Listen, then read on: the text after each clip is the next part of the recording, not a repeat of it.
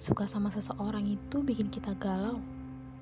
Apalagi sukanya sama teman sendiri. Gimana gak galau? Di satu sisi, kita pengen dia tahu kalau kita suka sama dia. Tapi di sisi lain, kita juga gak mau dia ngejauh. Syukur-syukur ngejauh, tapi masih mau nyapa. Daripada ngejauh terus kayak pura-pura gak kenal, lebih sakit mana coba?